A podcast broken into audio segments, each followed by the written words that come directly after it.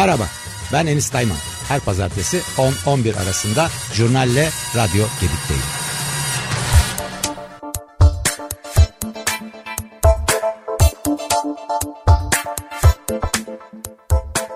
Jurnal'den herkese merhaba. 19 Haziran 2023 Pazartesi sabahında yine birlikteyiz. Malum biliyorsunuz geçen haftanın ilginç ve önemli olaylarını derliyor ve hafta başında da sizlere sunuyoruz. Tabi bunlar arasında önem sırası değişiyor. Niye, kimine ne önemli gelebilir onları tartışmak lazım. Fakat bize göre önemli olanlara isterseniz bakmaya başlayalım yavaş yavaş. Efendim önemli örneğin deprem. Deprem önemli tabii ki çok da konuşmuyoruz çok da istemiyoruz konuşmayı aman çok da sıkıcı buluyoruz. Fakat İstanbul'da e, özellikle e, zarar görecek ilçeler konusunda yapılan bir araştırma var. E, Sözcü gazetesi için yapılmış Jeofizik Yüksek Mühendisi Mustafa Serhat Durmuş. Bakırköy'ün risk durumunu değerlendirmiş. İstanbul'un depremde en çok zarar görecek ilçeleri. Mesela Bakırköy varmış ve Bakırköy'de gerçekten kötü durumdaymış. Şimdi 29 kilometre karelik yüz ölçümüne sahip 15 mahallesi olan 229 bin nüfusu olan bir ilçeymiş Bakırköy. Ve binalar açısından değerlendirilecek olursak diyor e, yüksek mühendis Mustafa Serhat Durmuş. %84'ü eski tip binalar. Evet. %53'ü 1 ve 4 kat aralığında %91'de betonerme aslında. E, zemini jeofiziksel olarak yorumlayacak olursak diyor maalesef Bakırköy'ün toplam yüz ölçümünün tamamında zeminin orta altı kötü olduğunu görüyoruz diyor. Efendim e, Yeşilköy, Şenliköy, Zuhurat Baba, Basınköy ve Kartaltepe mahallelerinde e, daha fazla etkilenme olacakmış depremde maalesef ve lütfen diyor önleminizi alın. Evet önem sırası nasıl olduğunu tartışmak gerekir tabii ki ama İsterseniz bir başka önemli habere daha bakalım. Geçen hafta ortaya atılmış. Efendim seçim öncesi 2 ayda rezervden 52 milyar dolar uçmuş. Bloomberg hesapları bu. Aralık 2021'den bu yana Merkez Bankası'nın döviz kurlarını tutmak için arka kapı müdahaleleri 199 milyara ulaşmış. Bu müdahalenin boyutu seçim yarışının kızıştığı Nisan ve Mayıs'ta ise 52 milyar dolar olmuş. Malum biliyorsunuz damat yani e, Berat Albayrak ekonomik koltuğuna oturmuştu. Dolardaki yükselişi durdurmak için de piyasaya müdahale başlamıştı. Albayrak döneminden sonra başta CHP olmak üzere muhalefet partileri Merkez Bankası'nın döviz rezerv, rezervlerinden 128 milyar doların satıldığını ve bu miktarın nereye gittiğinin bilinmediğini iddia etmişti. Devam eden satışlar yine doları durdurmak için devreye sokulan kur korumalı mevzuatta da sürmüştü.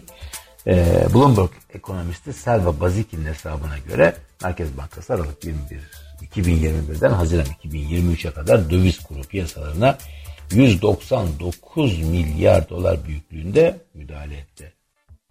Bu efendim aylık ortalama 12 milyar dolara tekabül ediyor. Nisan ve Mayıs'taki müdahalede yaklaşık olarak 52 milyar dolar olmuş. Ne dersiniz bilmiyorum.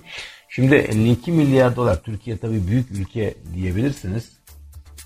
Ama büyük ülke diyoruz ya şimdi Devrimci Sendikaları Konfederasyonu'na bağlı Birleşik Metal Sendikası'nın verilerine göre ise açlık sınırı 10.072 TL'ye yükselmiş efendim. Şimdi asgari ücret biliyorsunuz 8506 lira. Ve e, milyonlarca yurttaş her geçen gün daha da zorlanıyor. Fakat BİSAM'a göre yani Birleşik Metal Sendikası'na göre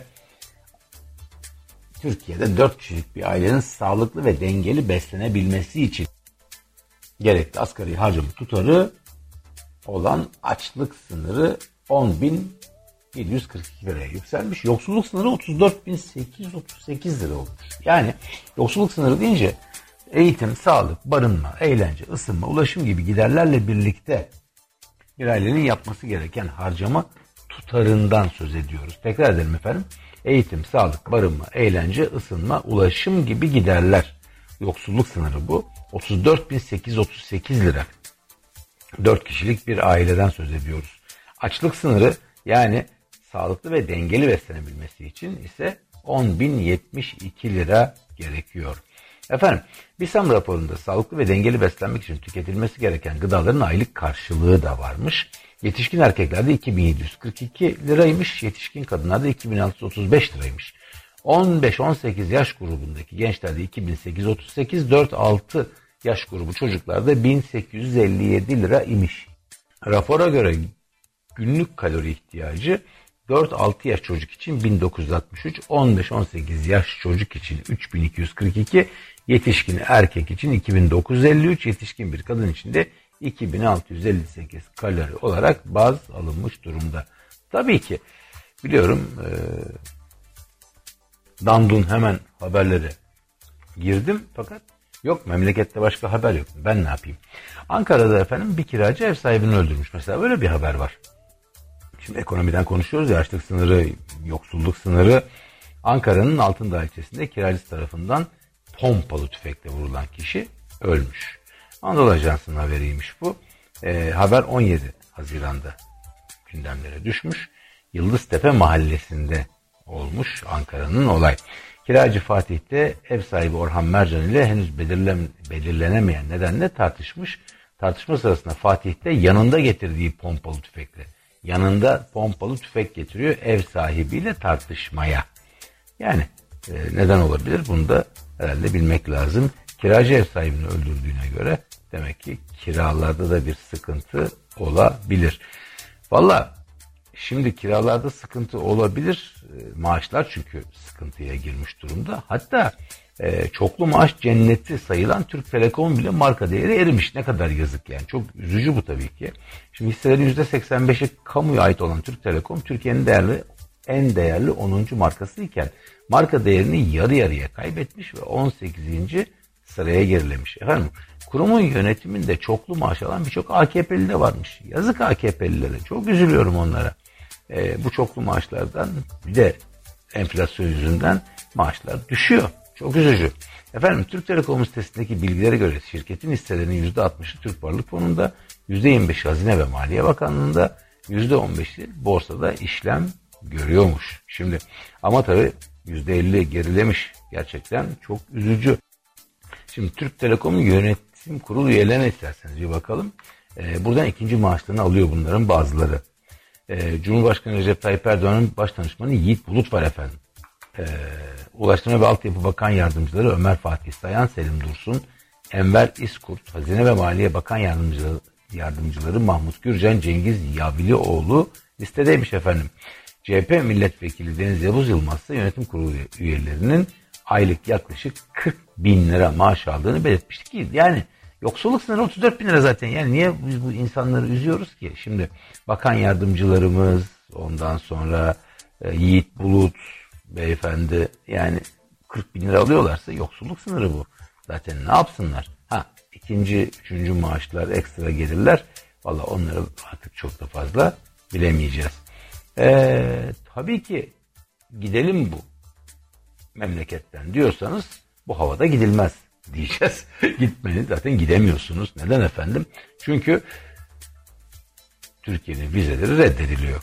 Şimdi e, Türkiye'den Avrupa ülkelerine vize başvurularının %15'in çok üstüne çıktığı belirtilmiş. Ve e, aslında e, şöyle diyelim en çok da Estonya ve Finlandiya reddediyormuş bu vizeleri. Avrupa Birliği ülkelerine vize için başvuranlar randevu almakta zorluk çekmekten, alanlar da başvuruların reddedilmesinden şikayetçiymiş zaten. E, Deutsche bir haberi bu sevgili takipçiler. Türk ve Avrupalı diplomatik çevrelerden alıp derlenmiş bir habermiş. Deutsche Türkçe'nin haberi. Şimdi pandemide hayır düşen başvuru sayıları kısıtlamaların bitmesiyle hızla artmış. Buna karşılık pandemi döneminde vize bölümlerinde azaltılan çalışan sayısının aynı oranda artmaması sorunların nedenlerinden biri olarak gösteriliyormuş. Duyda inanma. İstatistiklere göre Türkiye'de başvurulara gelen red oranı 2022'de geçmiş yıllara göre de bayağı yükselmiş. Şimdi ee, schengenvisainfo.com sitesinde yer alan bilgilere göre Türkiye'den 2022'de yapılan toplam 778.409 başvurudan 120.876'sı reddedilmiş. Yani ret oranı %15 olmuş. Gerçekten ilginç. 2023 istatistikleri şu anda belli değil ama tahminler ret oranının 2020'deki %15'in çok üstüne çıktığı yönündeymiş. Bir de bunu e, söylemek lazım. E, dünya ret ortalaması ise Avrupa Birliği'ne göre %18 civarındaymış. Efendim e, 2019'a bakıldığında Türkiye'den yapılan başvuruların %9.7'sine red veriliyormuş, verilmiş. Pandemi döneminde işte %15 şimdi daha da fazla arttığı söyleniyor. Peki efendim en çok red veren ülkelere tekrar dönelim. Estonya, Finlandiya ve Belçika'ymış. Bunu Yunanistan'a Ankara'dan yapılan başvurular Letonya, Norveç takip ediyormuş. Yani gidelim buralardan diyorsanız onu da beceremeyeceğiz efendim. Gidemiyoruz buralardan. Öyle bir şarkı var mı? Herhalde bir ona bakmak gerekiyor. Neyse isterseniz bir şarkı dinleyelim. Ondan sonra ne olmuş memlekette geçen hafta onlara devam edelim.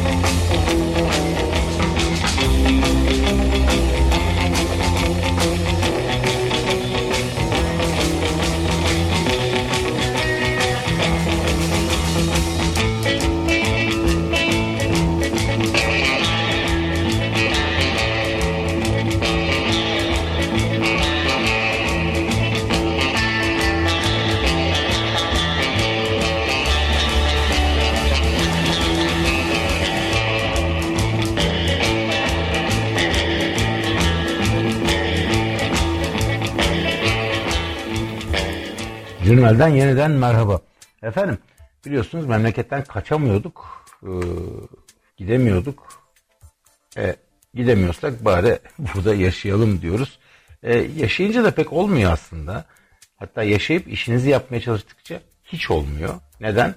Çünkü Sinan Aygül gazeteci Tatvan Belediyesi ile ilgili usulsüzlük iddialarını gündeme getirince ağzını burnunu kırdılar. Kim kırdı efendim? Tatvan Belediye Başkanı Mehmet Emin Geylani'nin korumaları kırdı. Fotoğrafını görseniz gerçekten üzülürsünüz. Gazeteci Sinan Aygül'ün durumuna.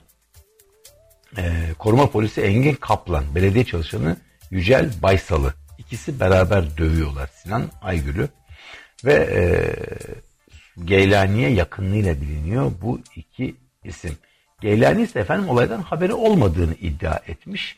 Yani bunlar vay bizim e, başkana bu kötü haber yapıyor diye gidip kendi başlarında kendileri karar vererek dövmüşler. Bir koruma polisi, öteki de muhtemelen yalakası. E, Engin Kaplan, bir de işte yalaka Yücel Baysal, Baysalı var. Ve e, Bitlis Valiliği iki ismin görevden uzaklaştırıldığını duyurduktan sonra tutuklanıyorlar. Bu da ilginç bir durum. Geylaniye bir şey var mı? Geylaniye bir şey yok. Çünkü o demiş ki haberim yok. Evet haberim yok deyince ona da bir şey olmuyor sevgili dinleyenler. Peki efendim ne diyebiliriz? Valla memlekette kiminde tuzu kuru diyebiliriz. Erdoğan demiş ki parlamenter sistem tartışmaları açılmamak üzere kapanmıştır. Evet. Yeni kabinenin toplantısında söylüyor Erdoğan bunu ve diyor ki artık eski sisteme dönüş önerilerini reddetmiştir milletimiz ve e, parlamenter sistem tartışmaları açılmak üzere kapanmıştır.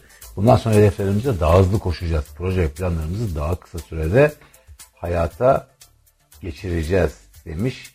Bakalım neler olacak. Ekonomimiz şahlanacak demiş. Kurmay kadromuzu kısa sürede oluşturduk. Muhalefetin seçim döneminde kadın hakları konusunda yaydığı iddiaların haksız olduğunu gösterdik.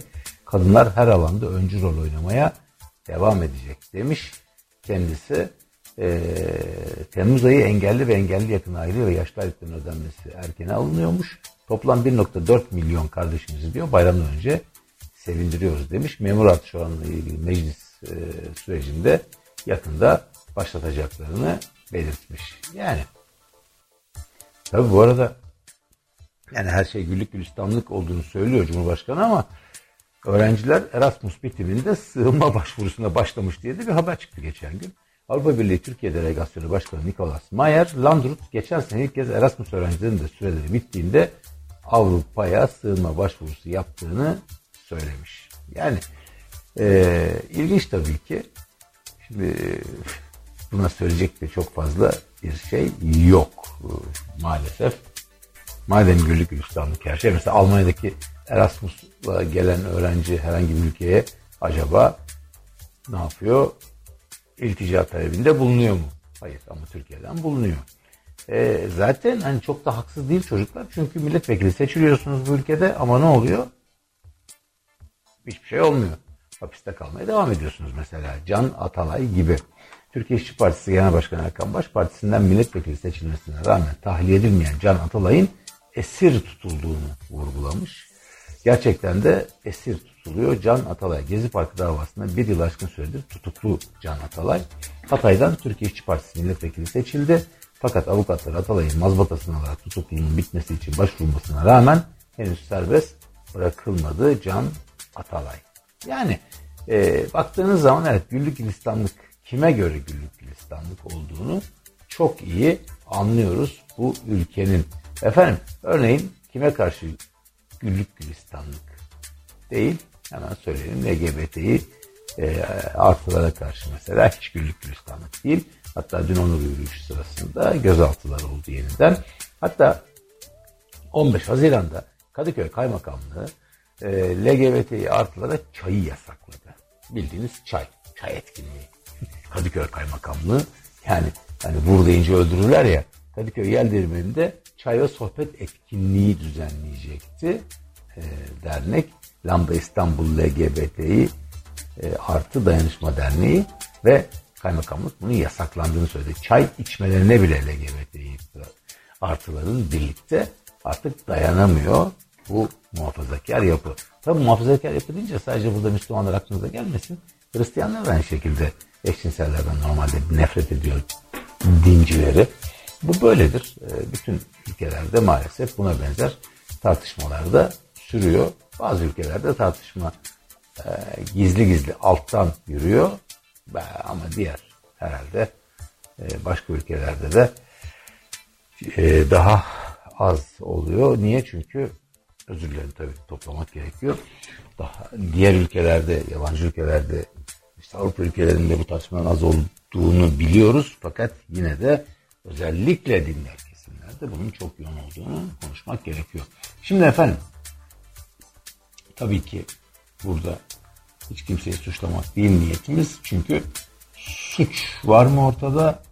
Yani evet var aslında. Neden suç var efendim suç olduğunu düşünüyoruz. E, bir grubun etkinlik düzenlemesini yasaklamak suçtur. Bunu hemen belirtelim.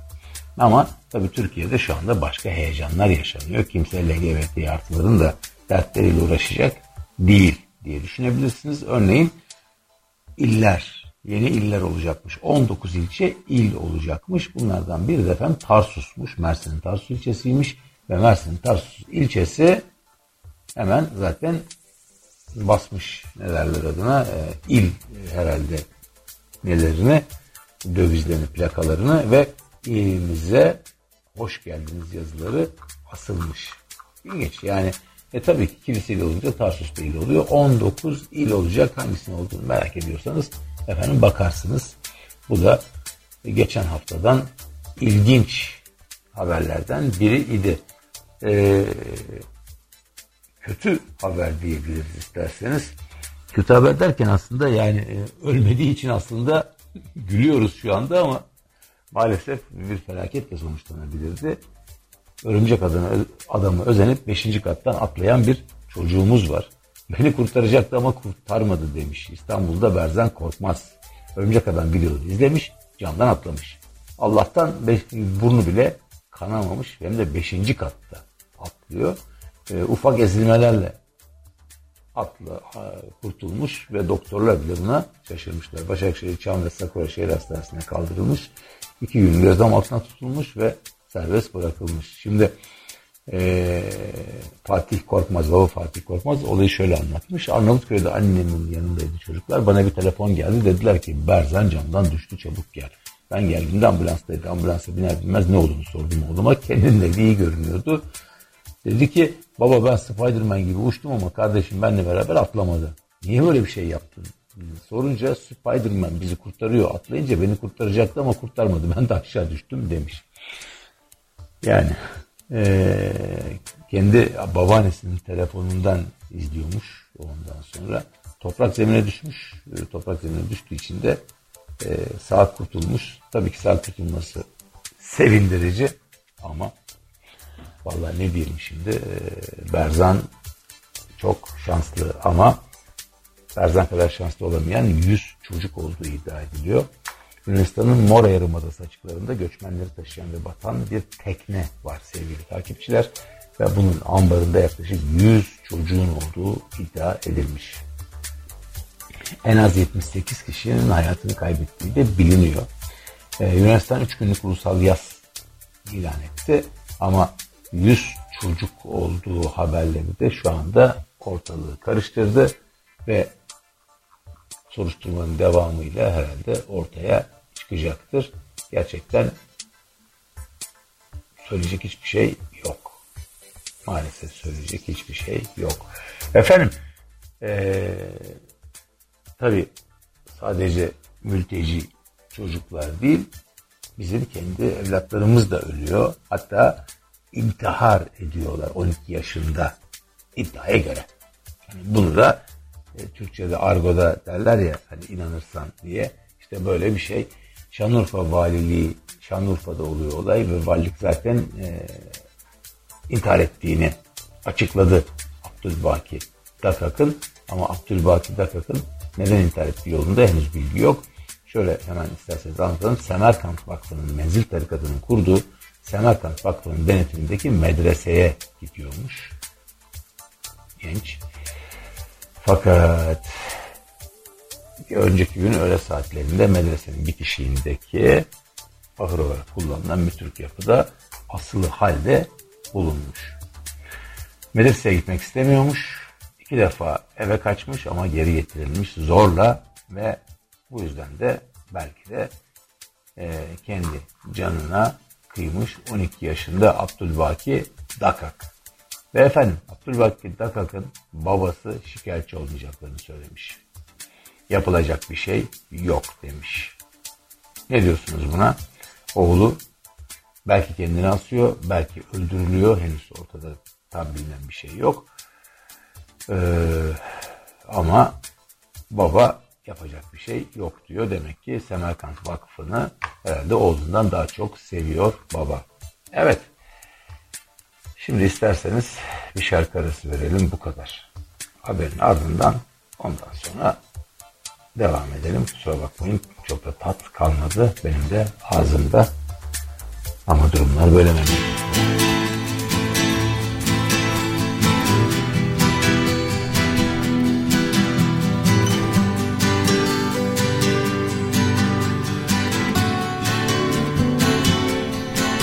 I was perched outside in the pouring rain, trying to make myself a sail. Then I'll float to you, my darling, with the evening on my tail. Although not the most honest means of travel, it gets me there nonetheless. I'm a heartless man at worst, babe,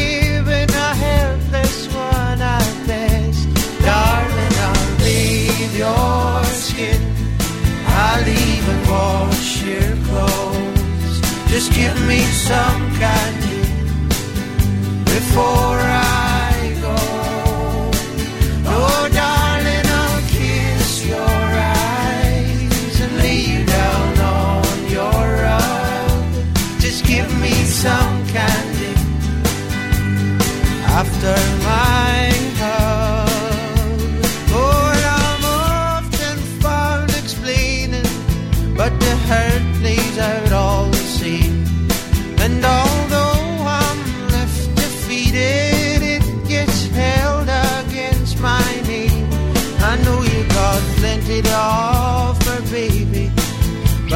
I've taken quite enough. While I'm some standing on your bed sheet, you're my diamond in the rough, darling. I'll bathe your skin. I'll even wash your clothes. Just give me some candy before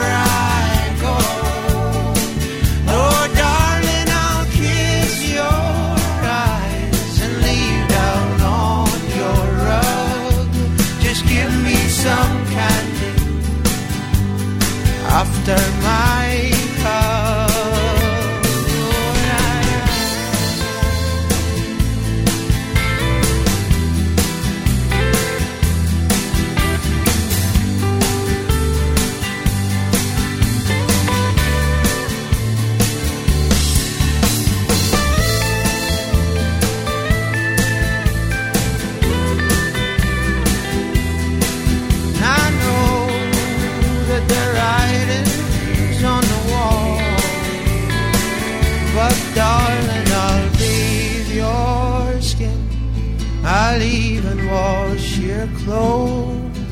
give me some candy before I go.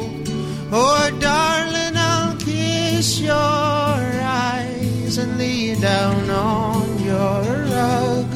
Just give me some candy after my hug. Oh, and I'll be there waiting for know that I'll be there waiting for you. Oh, I'll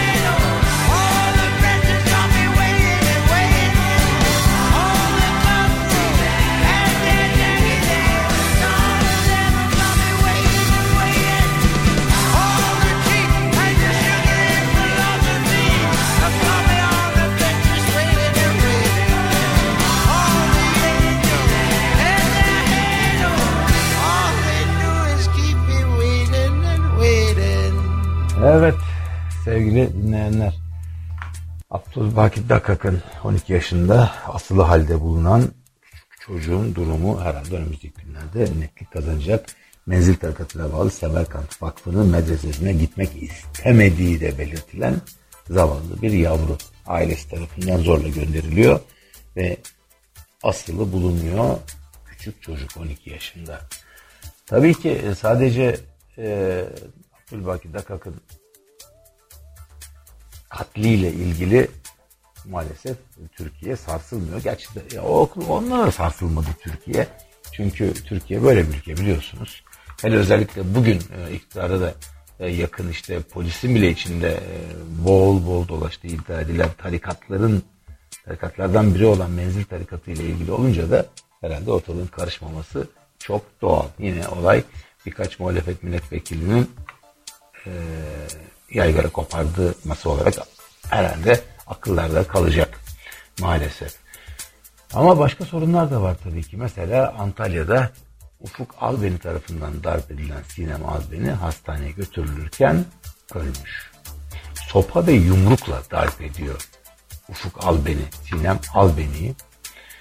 Ee, evli çift ve sopa yumruk darbeleriyle darp edildikten sonra kadının yardım istediğini duyan komşular 112 acil çağrı merkezine bildiriyor. İhbar üzerine olay yerine sağlık ve polis ekibi geliyor ve maalesef Sinem Albeni yolda ölüyor.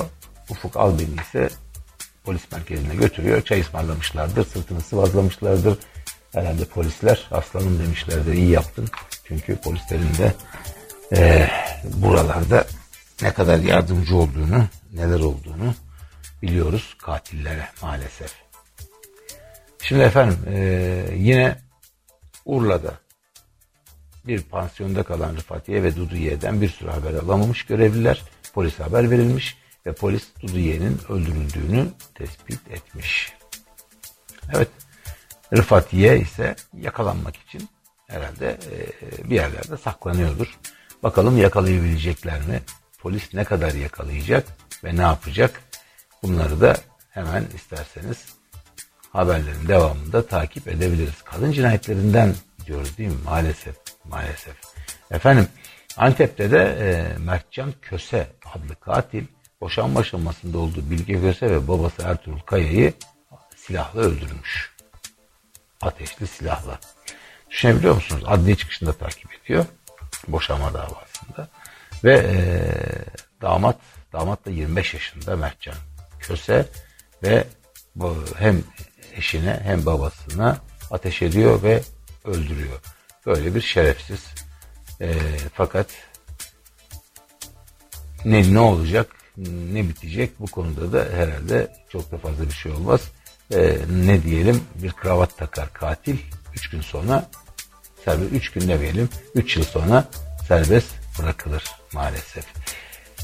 Türkiye'de mi sadece? Hayır. Ee, Almanya'da 2022'de mesela ev içi şiddet vakalarında belirgin bir artış kaydedilmiş. Yetkililere göre kayıtlara geçmeyen vakalarda göz önüne alındığında oluşan tablo gerçekten çok vahimmiş sevgili takipçiler. 2022'de ülke genelinde 179.179 ev içi şiddet mağduru kayıtlara geçmiş. Ee, bu sayının pandeminin hala etkili olduğu 2021 yılına göre %9.3'lük bir artışa tekabül ettiği belirtilmiş.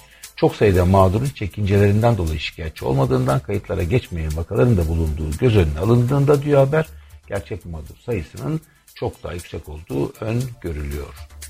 Mağdurların üçte ikisi kadınmış, failler de ağırlıklı olarak partner, eski partner ve aile fertleriymiş sevgili dinleyiciler. Efendim Şimdi e, ev içi şiddete yönelik farkındalığın genel olarak artması ve pandemi yıllarının belirsizliğinin ardından kadınların şiddet vakalarını şimdi şikayet etmeye başlaması olabilir diyor demiş uzmanlar. Yani aslında şiddet var ama biraz daha farkındalık arttı ve e, şimdi şikayet ediyor kadınlar. İlginç. E, Almanya'da da bunlar oluyor diyeceksiniz. Fransa'da da oluyor tabii ki. İtalya'da da oluyor.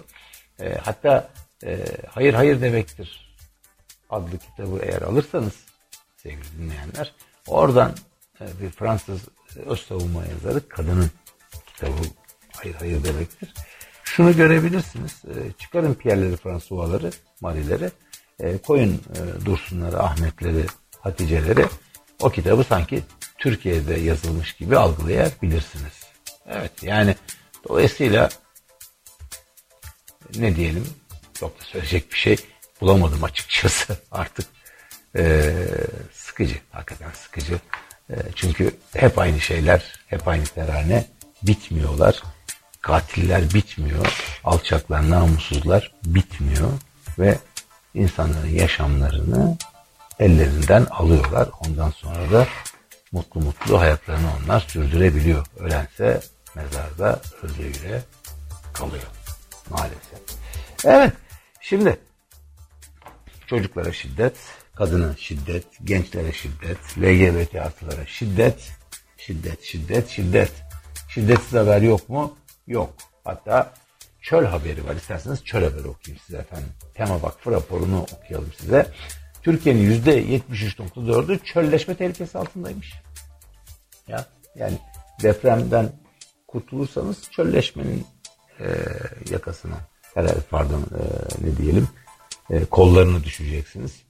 E, çölleşmenin yıllık maliyetinin ülkelerin gayri safi milli hasılasının %4 ila 8'i arasında olduğu da tahmin ediliyormuş. Hemen hatırlatalım bu arada 17 Haziran Dünya Çölleşme ve Kuraklıkla Mücadele Günü sevgili dinleyenler. Ee, Birleşmiş Milletler özellikle bu yıl temayı kadının toprağı, kadının hakları, toplumsal cinsiyet eşitliğini ve arazi restorasyon hedeflerini güçlendirmek olarak belirlemiş. O yüzden zaten bu hepsini birlikte bir ne yazık ki paket haline getirdim. Kadının durumu işte kadının hakları, toplumsal cinsiyet eşitliği, öldürülen kadınlar, çölleşen ülke. Ne diyorsunuz? İroni yapmıyorum. Yani e, tabii ironi olarak da her öldürülen kadın ülkeyi biraz daha çölleştiriyor ama gerçekten araziler de çölleştiği için yani söyleyecek de pek fazla bir şey kalmıyor. Efendim e, 7,5 İstanbul büyüklüğünde tarım arazisi kaybedilmiş. Korkunç yani. E, ülkenin bizim yani Türkiye'nin %50.9'u orta %22.5'i yüksek derecede olmak üzere toplam %73.4 ile çölleşme tehlikesi altında kıvranıyormuş. Ülkemizde erozyon çölleşme nedenlerinin başında geliyormuş efendim. Tarım arazilerinin %39'unda, mera arazilerinin ise %54'ünde erozyon varmış. Öte yandan büyüyen kentler verimli tarım arazilerinin azalmasına sebep oluyormuş. Tarım arazilerimiz 1990-2022 arasında 4 milyon hektar azalarak 27.9 milyon hektardan 23.9 milyon hektara gerilemiş. 7,5 İstanbul. İstanbul'a bakın. Onun 7,5 tane yan yana koyun işte o kadar tarım arazimiz gitmiş. Bir de böyle bir durum var sevgili dinleyenler. Ee, tabii Akdeniz'de çölleşmenin hızlanacağını da herhalde söylemek gerekiyor. Efendim e, Türkiye'de mi sorun? Hayır. Mesela Hindistan'da kavurucu sıcaklardan 46 kişi ölmüş. Düşünebiliyor musunuz? İki günde 46 kişi. Meteoroloji Dairesi, Hindistan Meteoroloji Dairesi Uttar Pradesh'e bağlı Balya bölgesinde sıcakların 42.2 derece yükseldiğini belirtmiş. Bu da e, toplamda eyalette 46 kişinin öldüğünü e, ortaya çıkarmış. 60 yaş üstündekilerin sokağa çıkmaması gerektiğini belirtmiş yetkililer. Hindistan'da etkili olan sıcak hava dalgasının e, doğuda 24 bölgeye etkisi altına alacağını da duyurmuşlar. 45 derecede ulaşması bekleniyormuş sıcaklıkların sevgili dinleyenler. Bu arada tabii ki e, El Niño ile birlikte kuraklığın Türkiye'yi de vuracağı belirtiliyor. Bu noktada artık e, herhalde büyük Türkiye olarak bir e, önlem alırız. E, dünyanın bizi kıskanacağı, e, kıskananların da çatlayacağı bir ne diyelim e, önlemler paketiyle karşımıza çıkarlar. Tabii Kanal İstanbul bunlardan biri değil. Evet. İsterseniz bir şarkı arası verelim. Ondan sonra devam edelim.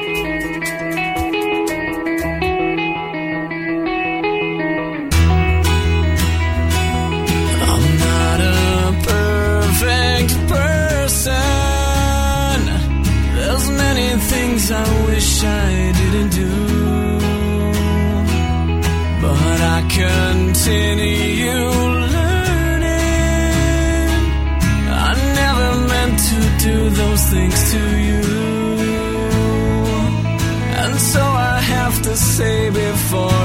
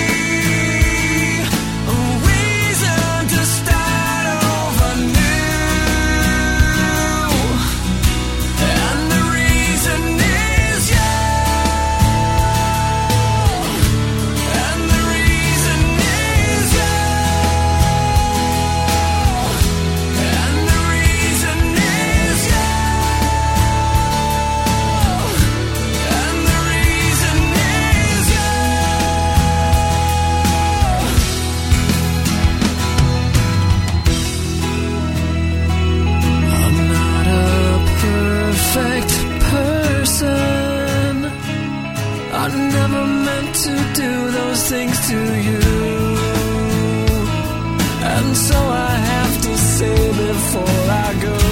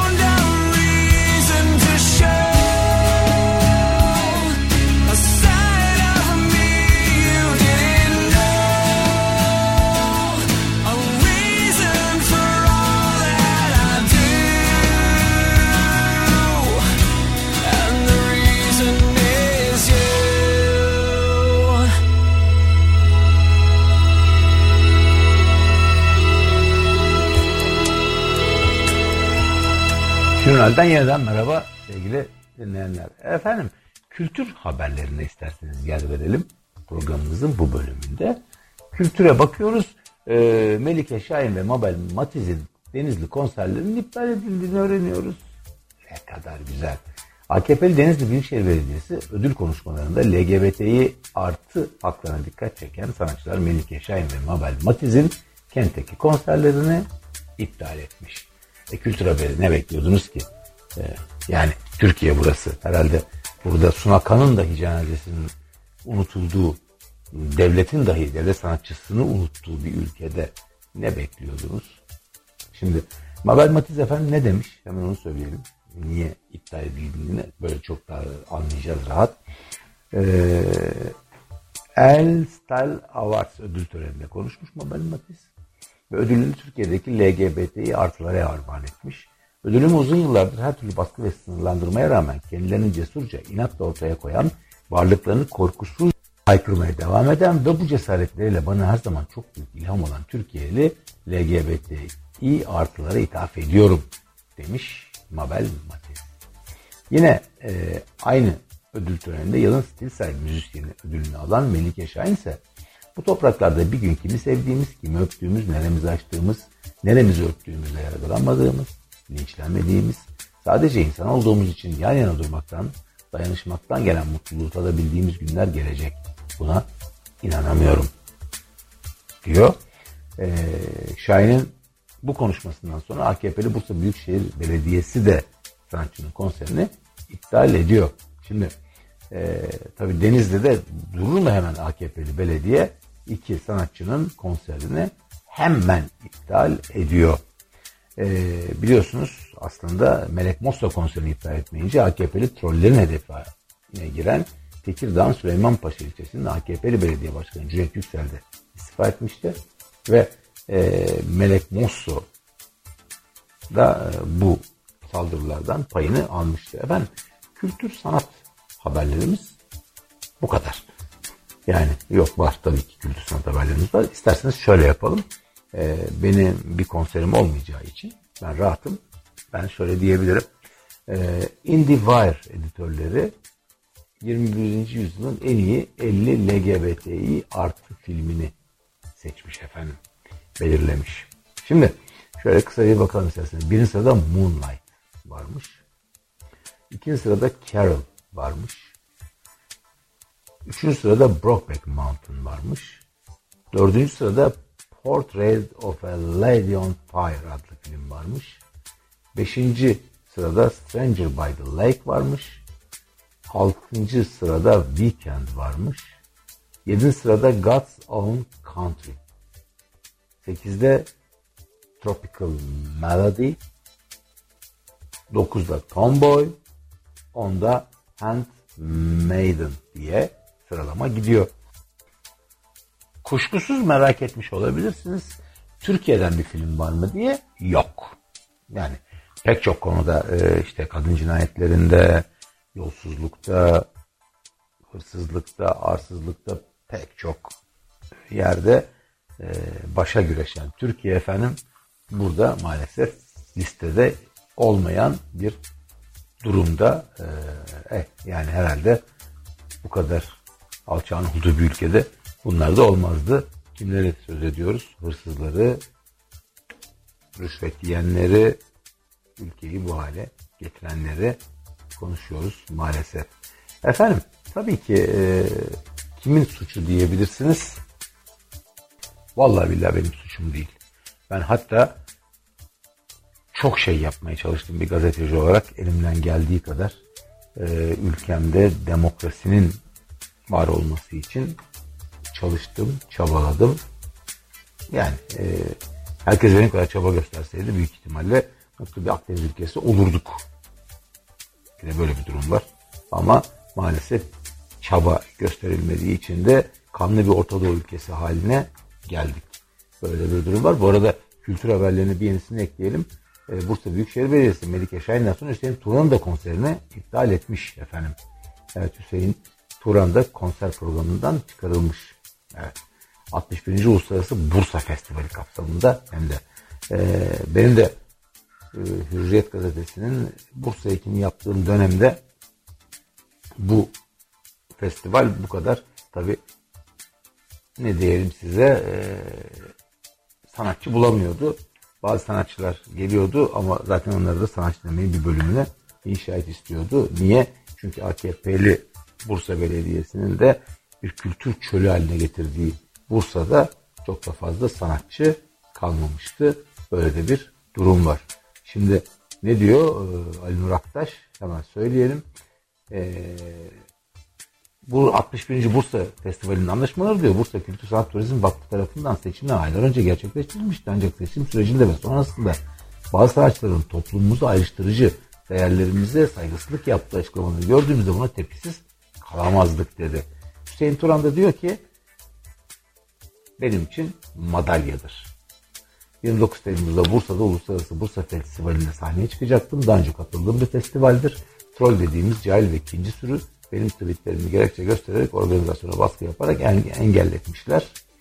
Paylaşımlarımın doğruluğu kanıtlanmıştır. Benim için madalyadır. Teşekkür ederim diyor Hüseyin Turan. Evet. Ee, gördüğünüz gibi memleket böyle. Hani e, aman bölünmeyelim diyorlar ya çoktan zaten ikiye ayrılmış durumdayız. Maalesef yani neden bir sanatçının şarkılarını dinlemesini engellersiniz? Çünkü sizden olmadığını düşündüğünüz için. Cevap da bu. Evet. Yapacak bir şey yok sevgili dinleyenler. Valla ne diyelim hani size konuşacak, anlatacak pek çok iyi haber bulabilirdim belki ama hepsi yalan olurdu. Çünkü gerçekler geçtiğimiz bir saat içerisinde size anlattıklarım. Tıpkı Osman Kavala'nın 2056 gündür hapiste olması gibi. Sivil toplum ve insan hakları aktivisti Osman Kavala'dan söz ediyorum. 18 Haziran 2023 itibariyle 2056 gündür hapisteydi. 19 Haziran'a geldiğimize göre 2057 gündür hapiste. Recep Tayyip Erdoğan biliyorsunuz gezi eylemlerinden itibaren Türkiye'nin Soros'u diye hedef göstermişti. Kavala'yı ve 18 Ekim 2017'de gözaltına alınmıştı. İstanbul'a get- getirilmişti. Sonra da 1 Kasım'da tutuklanmış ve Silivri cezaevine gönderilmişti. Ee, hükümet ortadan kaldırmaya teşebbüs ve anayasal düzeni ortadan kaldırmaya teşebbüsle suçlanmıştı. Maalesef Osman Kavala 2057 gün. Evet. Memleket böyle. Umarız siz memleketten daha iyi durumdasınızdır ve hafta boyunca da öyle kalırsınız sevgili dinleyenler. Efendim bana ayrılan sürenin sonuna geldim yavaştan.